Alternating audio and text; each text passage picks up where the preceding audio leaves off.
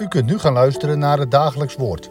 Dit is iedere maandag tot en met vrijdag om 10 uur, 3 uur en s'avonds om 7 uur. Deze meditatie wordt verzorgd door dominee Smit.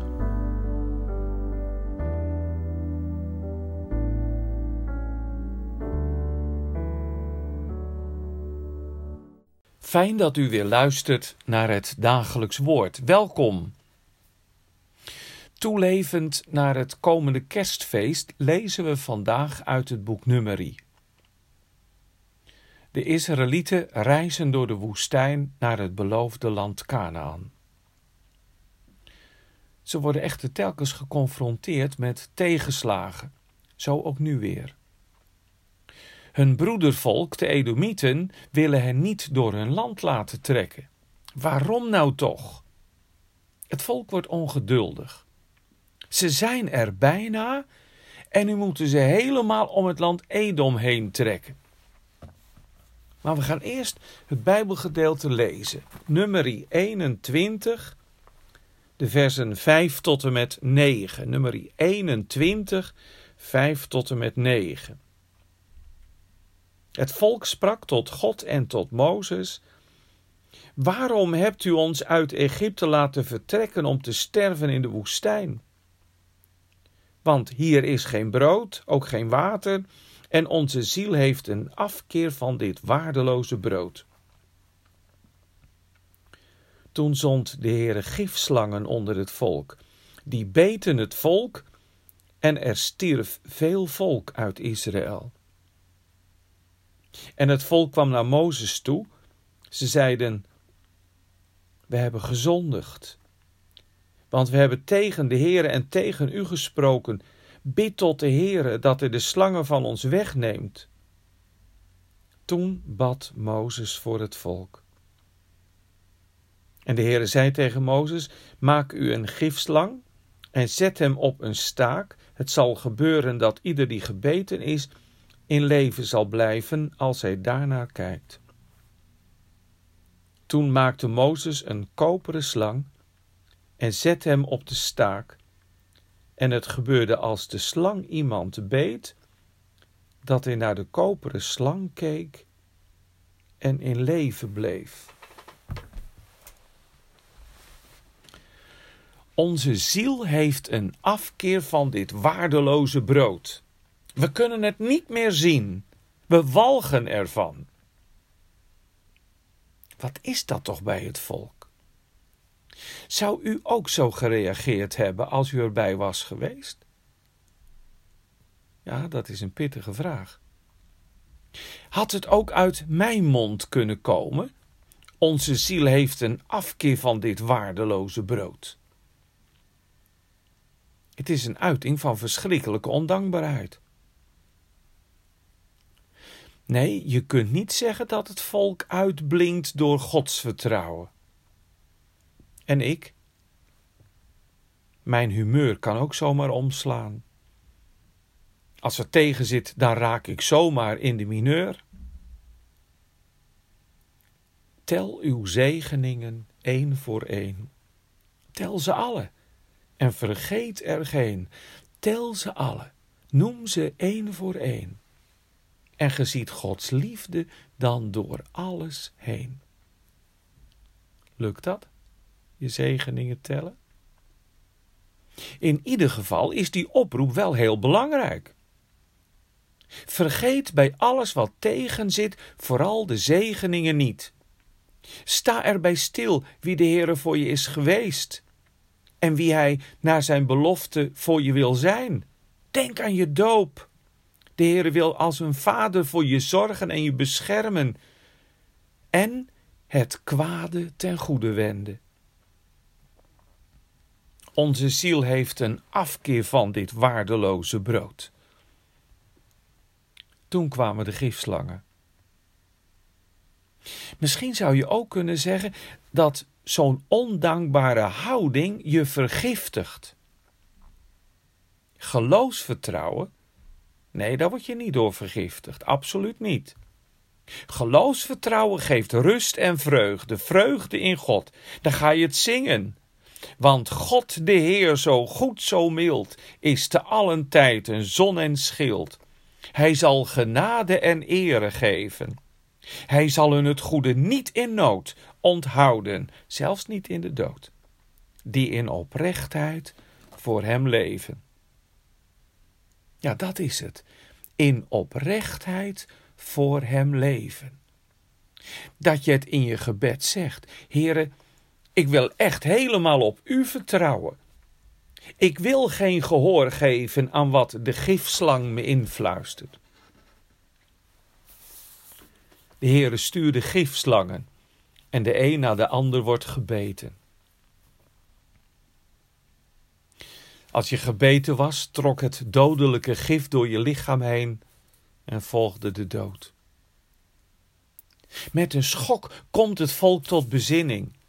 Mozes, we hebben gezondigd. We hebben ons laten vergiftigen door het gif uit de afgrond. Bid voor ons. Ziet u dat? Het gebed is het belangrijkste tegengif.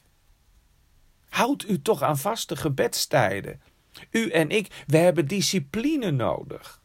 Het gebed is het belangrijkste tegengif. Er staat: Toen bad Mozes voor het volk. Even daarvoor hadden ze tegen hem gezegd: Waarom hebt u ons uit Egypte laten trekken om te sterven in de woestijn? Als je Mozes was, zou je toch zeggen: Bekijk het maar. Toch zegt Mozes dat niet. Hij gaat bidden. Het gebed is het belangrijkste tegengif.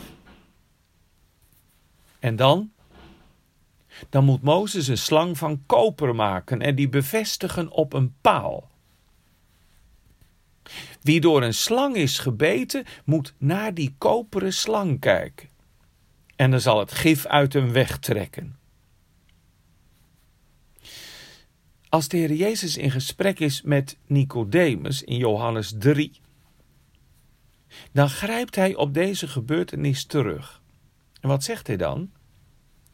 Zoals Mozes de slang in de woestijn verhoogd heeft, zo moet de zoon des mensen verhoogd worden, opdat ieder die in hem gelooft niet verloren gaat, maar eeuwig leven heeft. Waarom is de zoon van God naar ons toegekomen? Om net als die koperen slang verhoogd te worden op een paal, de kruispaal. Waarom is de Zoon van God naar ons toegekomen? Om het slangengif uit ons bestaan te verdrijven. Waarom is de Zoon van God naar ons toegekomen? Om de kop van de slang waar het gif in zit te vernietigen. En hoe is dat dan gebeurd? De grote vernieler van de slang werd tentoongesteld alsof hij zelf de slang was. Hij werd tot zonde gemaakt. De slang heeft bij hem toe kunnen slaan. In grote woede heeft hij al zijn gif bij hem ingebracht. Maar dat heeft hem wel de kop gekost. Want Heer Jezus bleef bidden en zijn vader gehoorzamen. Er wordt een appel op u gedaan. Zie toch op Hem. Zie toch op Hem. Dan zal het gif uit je bestaan wegtrekken. Dan zul je leven, eeuwig leven. Kijk eens goed naar het kind in de kribbe. Hij kwam met een missie. Hij kwam om ons van het duivelse gif te bevrijden. Kom, Laten we toch Hem die verhoogd werd aan het kruis aanbidden. Aanbidden met hart en ziel. Amen. Laat ons bidden. Heren, wij danken u dat u raad weet met dat gif dat ons bestaan doortrekt we worden telkens weer vergiftigd vanuit het rijk der duisternis. Maar het is kerstfeest geworden. En het wordt straks kerstfeest. We gaan er aan denken dat uw zoon gekomen is om ons van dat gif te bevrijden. Als de koperen slang op een paal bevestigd, opdat we op hem zouden zien en zouden leven. Zegen ons op weg naar kerst. Laat het voor ons een gezegend kerstfeest mogen worden. We bidden voor de zieken, voor mensen in rouw. We bidden voor hen die lijden onder een psychische ziekte. We bidden voor hen die een last te dragen hebben, die een zwaar huwelijk hebben. We bidden voor hen die gehandicapt zijn of chronisch ziek. We bidden voor hen die dicht bij het einde van hun leven komen. Here, wij danken u dat u uw zoon gegeven hebt en dat hij verhoogd werd op een paal, de kruispaal, opdat we op hem zouden zien, onze handen naar hem zouden uitstrekken en zouden leven. Het gif wint het niet, want het bloed van Christus reinigt van alle zonde. Heere, zegen ons allen. Geef nog een opwekking in Katwijk. Kom met uw geest. Glorie voor uw naam. Amen.